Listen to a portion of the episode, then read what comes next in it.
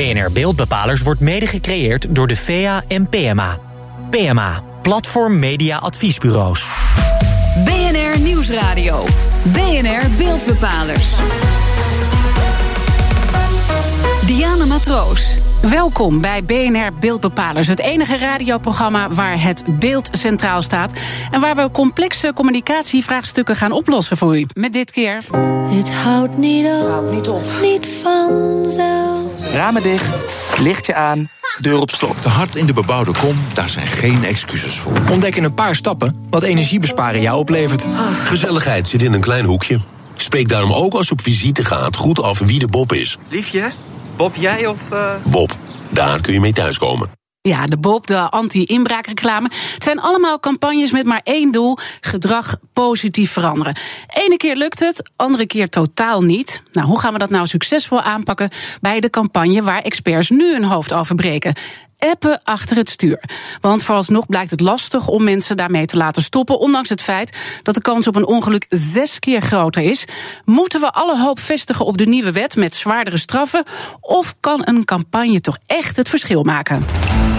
Dat bespreken we vandaag met twee masters, de experts op dit gebied. En dat zijn sociaal psycholoog en communicatieadviseur Jos Alers en Juri Jansen. Hij is creative director bij het reclamebureau Roorda. Heren, van harte welkom. Doen jullie het? Appen achter het stuur, Juri? Um, ja, ik moet uh, bekennen dat ik, dat, uh, dat ik me daar wel eens een, uh, aan, ja, aan bloot heb gesteld. Ja, en ik ja. heb mezelf behoorlijk met moeite moeten afleren. Ik durf zelfs wel niet te bekennen dat ik ooit onderweg naar notabene prestatie aan het ministerie van de weg ben gehaald en bekeurd ben. En toen was voor mij dat wel de knop dat ik dacht van oh my god. Dit is te gênant voor woorden. En uh, ik moet nu letterlijk bij mezelf een knop omzetten. En uh, ik heb dat ook gedaan. En die knop is dan toch nog heel erg lastig te vinden. Jos, ja. ik denk dat iedereen dit heeft. Uh, ja. Of ben jij het, het wonder hier die het niet doet? Nee, nou, ik moet zeggen, ik doe het wel veel en veel en veel minder dan ik het ooit deed. maar dat heeft ook te maken met, ja, als je eenmaal werkt aan het ontwikkelen van zo'n campagne, dan krijg je echt alle informatie over je heen. En dan ja, dan kun je de haast niet meer ontkennen dat je het gewoon uh, dat je het niet moet doen. Het, het, gaat natuurlijk niet alleen om appen achter het stuur, hè, maar ik zag ooit ook een bestuurder gewoon een hele Netflix-serie kijken. Echt, jeetje, dit, is, dit gaat Gamen. wel heel erg ver gamen. Uh, wat zegt dit over ons gedrag, Jos, als mensen? Uh, nou, ja, jij bent een sociaal psycholoog. Nee, dit zegt dat. Kijk, wat dit, wat dit zegt is dat uh, uh, de, de zuigkracht van zo'n mobiel is, is heel groot. En mensen vertonen dit gedrag niet in het openbaar, maar ze vertonen dit in een soort, voor hun gevoel, anonieme omgeving, een eigen auto. Dus dan is het heel moeilijk om je gewoon aan fatsoensregels. Dan hoef je je niet aan fatsoensregels ja, die smartphone die beheerst natuurlijk ook ja. echt ons leven. Dus we moeten op elk, elk pingeltje natuurlijk reageren. Ja. Jori, jij bent een mooi voorbeeld tegengekomen van iemand die al een keer wat ernstig had veroorzaakt. En nou toch ja, doorging. Nou ja, het, het is zo, je, je merkt natuurlijk dat in Nederland steeds meer een, een roep komt om keiharde campagnes van de overheid uh, om dit aan te pakken. Maar het onderzoek blijkt juist dat keiharde campagnes helemaal niet werken. Om mensen te confronteren met zeg maar die risico's. Want mensen overschatten eigenlijk hun eigen kunnen en onderschatten de risico's. En zelfs mensen, ja, we hebben een keer een respondent gehad die zelf een ongeluk had veroorzaakt. Maar daarna nog steeds bleef appen en uh, zijn mobiel gebruiken in het verkeer. Dus ja, zeg maar echt mensen confronteren met, met de risico's. Ja, dat, dat is zeg maar een pad wat niet werkt. Ja, want jij kwam een man tegen die had een dodelijk uh, ongeluk nou, niet dodelijk hoor, die, had, die was zelf betrokken bij een ongeluk. Ja. En, en die ging gewoon door. Ja, ja het, het is dit namelijk iets. Ja, het is, het is onbewust gedrag. En onbewust gedrag is echt het moeilijkste om dat zeg maar opnieuw uit je systeem te krijgen. En uh, de sociale media zijn er ook op gericht om ons verslaafd te raken. Ze hebben allemaal, geef je allemaal impulsjes, zeg maar steeds dat rode eentje uh, is toch een soort vorm van beloning, waardoor je het gevoel hebt dat je steeds weer eventjes wil kijken. En dat, dat werkt verslavend. Het is zeg maar als de fruitmachines die je wil kennen uit gokhallen. Zo werken heel veel social media ook. Die geven je continu een impuls van beloning. Er is en je een moet berichtje. gewoon wat doen. En je moet, en het gaat zelfs zover dat mensen fantoomtrillingen in hun broek hebben. Want ze ja. denken dat ze een berichtje krijgen. Terwijl het helemaal niet zo is. Omdat je dus je hebt iedere keer weer behoefte aan die beloning. En het is onbewust, maar ik denk dat een heleboel mensen, als je het zo schetst, het ook best wel uh, herkennen. Uh, wat ook interessant is natuurlijk, is wetenschappelijk onderzoek. De wetenschappelijke ja. kennis die er is om ons gedrag succesvol te veranderen. Wat zijn nou basisprincipes om dat te realiseren? Nou, een van de waar we het net al over hebben gehad, is het angst. Eigenlijk lijkt heel mooi, werkt mooi voor de bühne, maar doet niet zoveel. Als je mensen bang maakt, dan sluiten ze zich gewoon af voor het gevaar. Dan gaan, de, gaan letterlijk de luiken dicht. Dus je moet altijd uitgaan van een positief gedrag. Je moet mensen eh, eh, een positief handelingsperspectief, zoals het zo mooi heet, eh, geven. Dus je moet mensen altijd een positief iets wel doen, is makkelijker dan mensen zeggen dat ze iets niet moeten doen, bijvoorbeeld. En is dat handelingsperspectief, moet dat ook simpel zijn of kan dat best complex zijn? Nou, dat kan. Nee, hoe simpeler, hoe beter. Want je- kijk, je wil. Kijk, de beste voorspeller van gedrag is voorgaand gedrag. Mensen doen eigenlijk de dingen die ze altijd al deden, die herhalen ze gewoon eindeloos. Het zijn patronen die we gewoon hebben. De meeste zijn onbewust geworden. Uh, dus daar moet je iets positiefs tegenover zetten. En alleen maar zeggen: stop met deze gewoonte, dat, gaat, dat werkt niet. Ja, dat is ook dan- veel te dwingend. Hè? Dus ja, dat, maar wat ga je dan doen? dat, dat gaan we zeker zo eh, met jullie ook over eh, nadenken. Toch nog even die wetenschappelijke kennis. Hè? Want die is natuurlijk heel belangrijk om Mhm. nou ja, die campagnes uiteindelijk eh, op te gaan zetten en die te gebruiken. Merk je dat de overheid voldoende gebruik maakt van die kennis? Ja, ik vind het, het, grappige is dat van alle klanten waar ik ooit voor gewerkt heb, de, de, de Rijksoverheid in ieder geval daar het, verste in is. Die, die gebruiken echt heel veel kennis. Uh, uh, en dat, dat stoppen ze ook heel, in hele mooie uh, instrumenten waar, waar je, die je kan gebruiken om campagnes te ontwikkelen. Ja, want ik hoor ook best wel vaak aan de andere kant, maar misschien is dat dan niet de overheid, dat communicatiespecialisten misschien de makkelijkste weg kiezen en toch niet echt van die kennis gebruik maken. Nee, ja, dat is, dat is natuurlijk moeilijk. Uh, uh, iets spectaculairs, angstaanjagends is dan toch leuker om te maken. uh, Juri Jansen, jij bent natuurlijk nauw betrokken geweest bij veel verkeerscampagnes. Dus in die zin uh, van de overheid. Hè. Dus je weet heel goed hoe dat tot stand komt. Op dit moment werk je met de overheid ook aan een nieuwe anti-app-campagne. Waarom is het nou zo'n moeilijke klus om ons gedrag te veranderen? Je gaf net al één voorbeeld. Hè, dat we, we moeten op dat piepje reageren, of het pingeltje, of hoe je het wil noemen. Maar zijn er meer dingen aan te geven? Uh, ja, het, het, is ook niet zo eenvoudig uh, in dit geval. We hebben in het verleden campagnes gemaakt voor de Bob en voor Niks 18. En da daar was eigenlijk veel meer het handelingsperspectief. De oplossing was vrij eenduidig. Bij Bob hebben we bedacht, het is eigenlijk heel handig als je met z'n afspraak maakt. Dat maakt het gesprek een stuk makkelijker. In plaats dat je in het café zegt van, goh, wie uh, drinkt er niet vanavond? Zeg zo, wie is de Bob? Wat zeg maar een moeilijk onderwerp bespreekbaar maakt. Hetzelfde hebben we met Niks 18 gedaan. In dit geval kun je zeggen dat er heel veel verschillende doelgroepen zijn. En waar niet voor elke doelgroep één simpel handelingsperspectief de oplossing is. Je hebt zeg maar hele heavy uh, social media gebruikers die echt verslaafd zijn. Nou, die hebben een andere oplossing nodig dan die persoon die eventjes denkt: oh, alleen met stoplicht kan ik wel eventjes kijken. Of een fietser. Weet je, je hebt verschillende doelgroepen, dus je moet heel goed kijken wat is het handelingsperspectief, wat Jos het net ook had. Ja. Op welke, wat is het beste perspectief voor welke, welke persoon? Nou, noemde jij al eventjes die Bob-campagne. Die gaan we straks ook even wat uh, verder analyseren, omdat daar hele mooie lessen uit uh, te trekken zijn. Toch is er niet echt een campagne daarna geweest in het verkeer die zo goed is blijven hangen als die campagne, de Bob. Dat is wel echt zo'n succesnummer, toch? Ja, maar, dat heeft ook met tijd te maken. Bob heeft, uh, hebben vorig jaar het 15-jarig bestaan van gevierd. Dus die is ook heel consistent uh, doorgevoerd. En, en wat je toch merkt, zodra een campagne succes heeft... Uh, en dat heeft soms ook te maken met weer een wisseling van een, van een kabinet... is er toch weer een nieuwe minister of nieuwe staatssecretaris die besluit om... nou, we gaan dus even alles weer ter discussie stellen. En soms worden dan inderdaad eigenlijk hele goede campagnes weer on hold gezet... omdat het beleid dan eventjes niet aansluit op de strategie van die campagne. En, en dat is toch inderdaad. Nou, er zit al iets verborgen wat ook uh, Sander Hermsen zegt. Hij is auteur van het boek Draaiboek Gedragsverandering. Luister mee. Kurt Lewin, de grondlegger van de sociale psychologie, die noemde het een soort ijsberg. Gedrag is bevroren. En het moet eerst wel eens een hele tijd ontdooid worden. En vervolgens kun je het kneden en dan kun je het weer terug bevriezen in een nieuwe toestand. Dus eigenlijk een gedragsveranderende campagne, die, daar moet je echt lange adem hebben. Dat is niet iets wat je uh, van de een op de andere dag kunt veranderen. Heb je echt een cultuuromslag voor nodig. Dit is denk ik wel een heel erg belangrijk element. Hij gebruikt er een mooie metafoor voor. Ja. Maar je hebt echt tijd nodig, uh, Joey, om dat gedrag te veranderen. Vijf jaar had je nodig, überhaupt met die Bob-campagne, om succesvol te zijn. Ja, dat klopt. Maar het is geen wet. Bijvoorbeeld neem de Nix 18-campagne die we een paar jaar geleden hebben ontwikkeld. Daar merkten we eigenlijk al na één jaar heel concreet resultaat. En de, er zijn wel een aantal ontwikkelingen geweest in de gedragswetenschap. Die zijn veranderd. Voorheen was het altijd het, het mantra kennis, houding en gedrag. Waarbij eerst mensen zeg maar, gingen bewust worden. Dan ging je werken aan de attitude versus het probleem, vervolgens op het gedrag. En wij proberen nu eigenlijk altijd in alle campagnes direct te sturen op het gedrag. Dus maak bijvoorbeeld een afspraak. Dus direct al een, een oplossing bieden. Want wij hebben geleerd dat over het hoofd van zeg maar, gedrag je eigenlijk al kennis en houding uh, aanpast. Dus op het moment dat wij bijvoorbeeld, uh, een goed voorbeeld is, uh, als je wil dat mensen vaker de trap nemen, kun je zeg maar gewoon prompts gaan doen. Dus voetstappen richting de trap, waardoor mensen automatisch de trap nemen. En als ze een paar keer trap hebben genomen, worden ze eigenlijk vanzelf wijzer en verandert hun houding. Want ze denken, hé, hey, het valt eigenlijk best ja, mee. Dat moet je dus wel opbouwen, toch? Dat, Je moet het, maar je mag direct sturen op gedrag, waardoor het tegenwoordig sneller kan. En ja, Nix 18 is daar wel een voorbeeld van. Die had binnen een jaar al een heel groot resultaat bereikt. En ook daarmee dan gelijk een Effie gescoord. Ja, is volgens mij ook wel kritiek geweest natuurlijk Absoluut. op die eh, campagne. Eh, Ja. Jos, als we even toch even die Bob-campagne terughalen... en ook net even die duur hoorden hè, die daarin succesvol is... dat je echt gewoon zorgt dat je die boodschap maar blijft herhalen. Als we jouw wetenschappelijke kennis even Mhm. erbij pakken... zitten er nog meer elementen in die Bob-campagne... die het zo succesvol maakt? Nou, wat denk ik heel goed.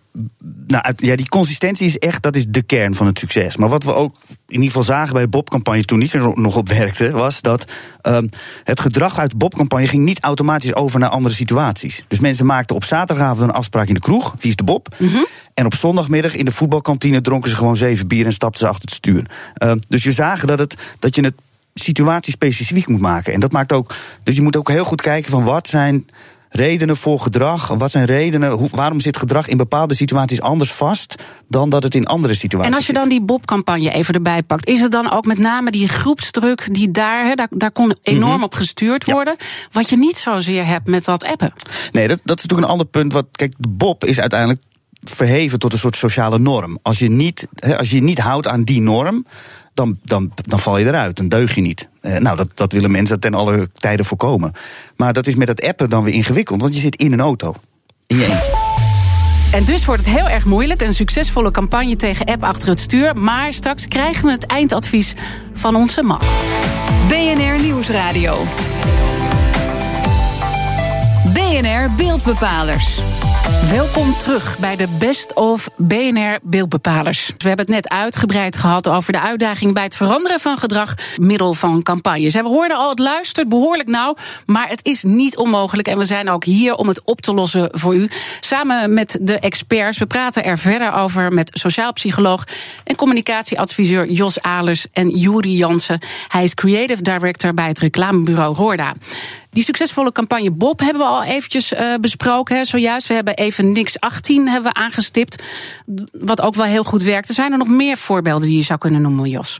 Uh, nou, nu de, we zien nu de Veiligheid in Huis campagne. Uh, draai je voordeur op slot, lampje aan, uh, die campagne. Nou, dat is ook eigenlijk heel snel gegaan. Maar ook dat was dus een campagne die volledig stuurde op mensen gedrag aanbieden. Doe dit, en dan, dan, dat, he, dat, dat helpt je. Positief gedrag. Positief gedrag. Heel simpel. Draai je deur, uh, nog, de sleutel nog een keer om. Iedereen kan het doen. Ja. Uh, uh, en dat leidt dan meteen tot, tot, tot allerlei positieve effecten. Jori? Ja. ja, ik vond dat op zich wel een aardig voorbeeld. Want daarvoor was uh, diezelfde campagne had Harm Alarm. Dat was een soort alarmbelletje wat afging zodra mensen het huis uit gingen. was een soort dreiging. En wat ik heel sterk vind van die nieuwe campagne... is dat het echt het mantra heeft van uh, uh, ramen dicht, licht je aan, deur op slot. En dan geef je eigenlijk een oplossing in plaats dat je men, mensen bang maakt. Dus, en er zit ook veel meer een positieve emotie, er zit humor in. En ik denk dat die herhaling van dat mantra echt heel erg goed werkt dus dat zijn de dingen die ik jullie steeds hoor zeggen. De duur is gewoon ontzettend belangrijk. Ja. Blijf de boodschap herhalen. Want ik denk dat niks 18 met name heel goed werkt voor jongeren die 14 zijn en met die boodschap opgroeien. Daar zit pas het echte effect, denk ik. Exact, ja. Dat heeft even een, een, een kleine generatie geduurd voordat dat echt landde. Want je had natuurlijk die overgangsgeneratie die eigenlijk toen ze 16 werden opeens kreeg te horen van uh, oké, okay, je mag nu twee jaar, je denkt je mag nu gaan roken en drinken. En opeens werd het dan toch twee jaar uitgesteld. Nou, het volg was mijn oudste dochter daar een zeg maar slachtoffer van. Ik merk dat mijn tweede dochter eigenlijk echt volledig is opgegroeid met eigenlijk gewoon het hele idee dat het vanzelfsprekend is om niet te roken en niet te drinken. En dan merk je ook veel meer dat er eigenlijk geen discussie is. En als je kijkt naar, want je had het net eventjes over, ja, niks 18 campagne heeft ook wel discussies losgemaakt. Maar als je echt naar de feiten kijkt, dan zie je dat in het verleden gingen jongeren, met name als het om drank, drink gaat, gingen ze veel jonger al beginnen met, met drinken. Dat zat zelfs op een gegeven moment rond, rond de 12 jaar. Ja, dus daar moet je zelf pakken. En, en dat is eigenlijk nu echt gewoon twee jaar opgeschoven, waardoor je uiteindelijk toch een gezondere generatie. Ja, mooi dat je dat zegt, want ik merk het ook bij onze jongens van 15. Die vinden het heel normaal dat dat gewoon nog niet zo is. Uh, uh, dat er gedronken wordt. Enorm, hè? Weer een enorm, norm gezet, enorm, ja, absoluut. Uh, wat misschien even mooi is, uh, want wetgeving is ook heel erg belangrijk. Dat je dus daarin ook bepaalde consequenties aan het gedrag uh, verbindt. Maar om ook nog eventjes te luisteren naar Bastiaan Weers. Hij is strategy director bij het reclamebureau en is 5. Wat je ziet nu is dat door de versnippering van het media, medialandschap het eigenlijk steeds moeilijker is om aandacht uh, van mensen te krijgen voor een boodschap.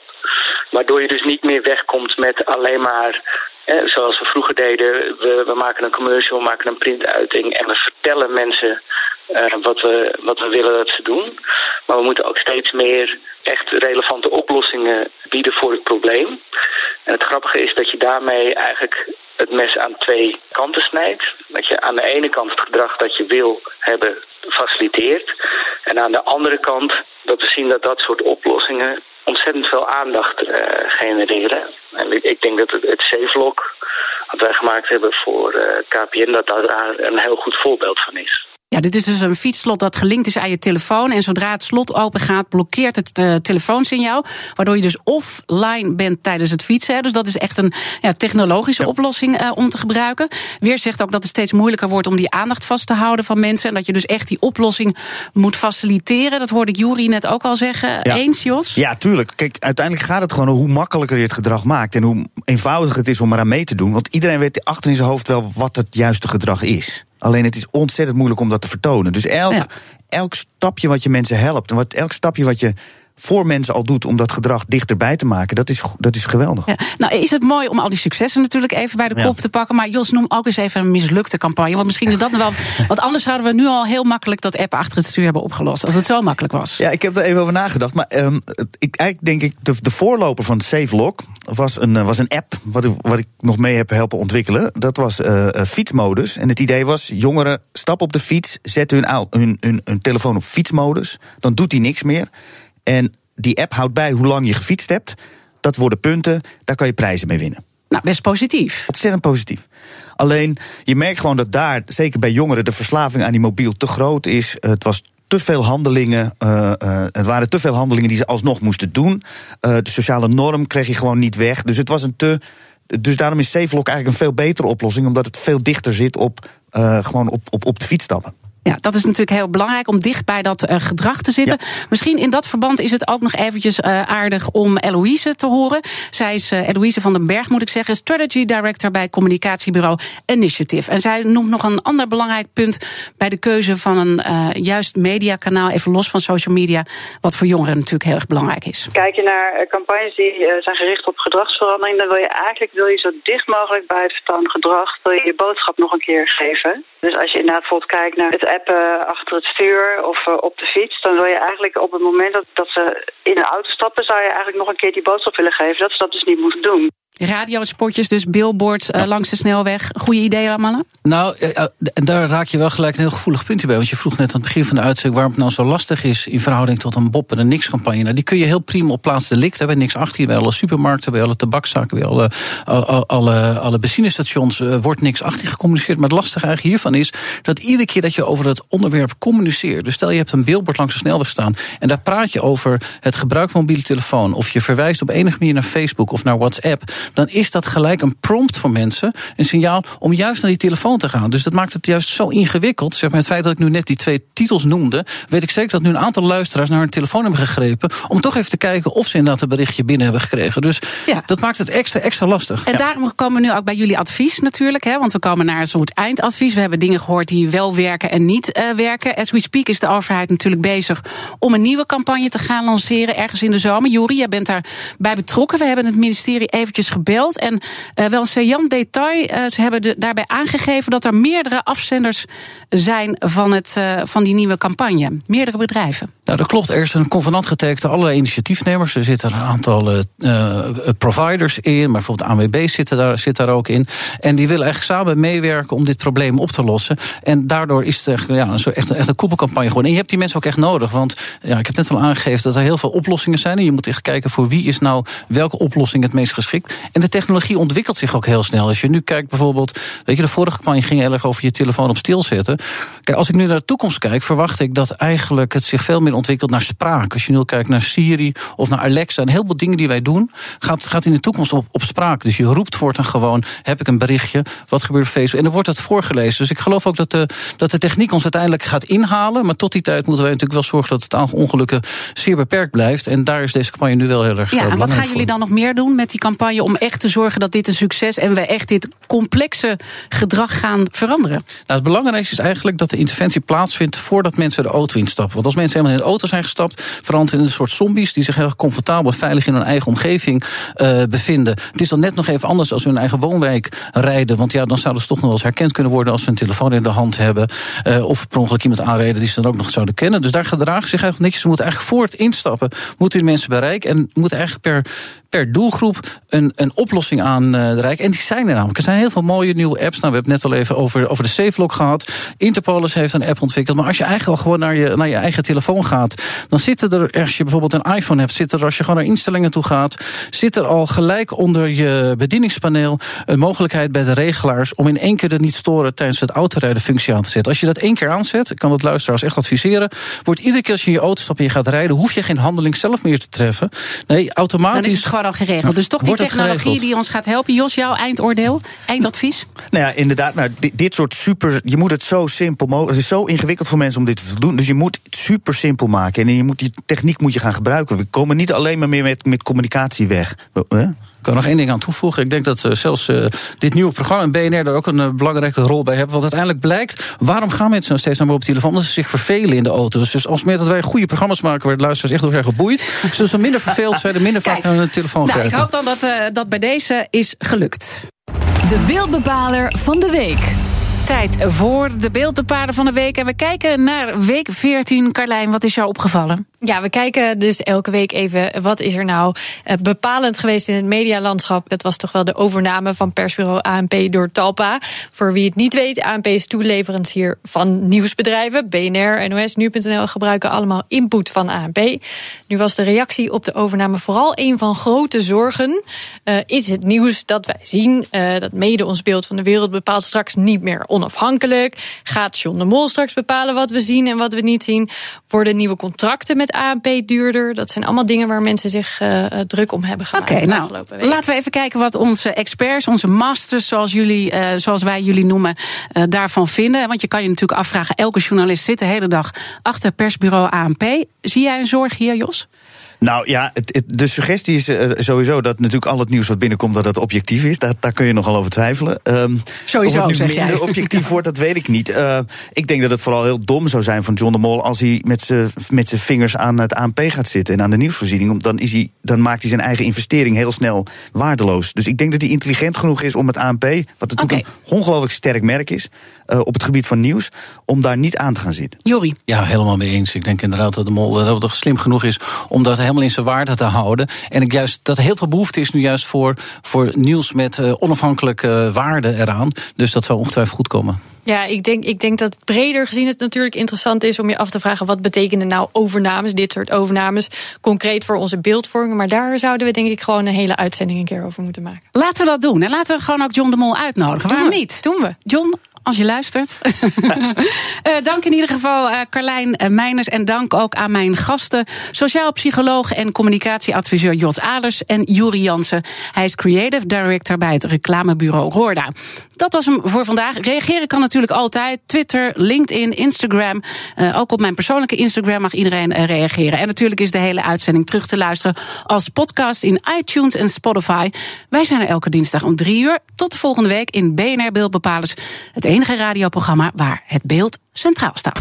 BNR Beeldbepalers wordt mede gecreëerd door PMA en de VEA. VEA, de Vereniging van Toonaangevende Communicatie Adviesbureaus.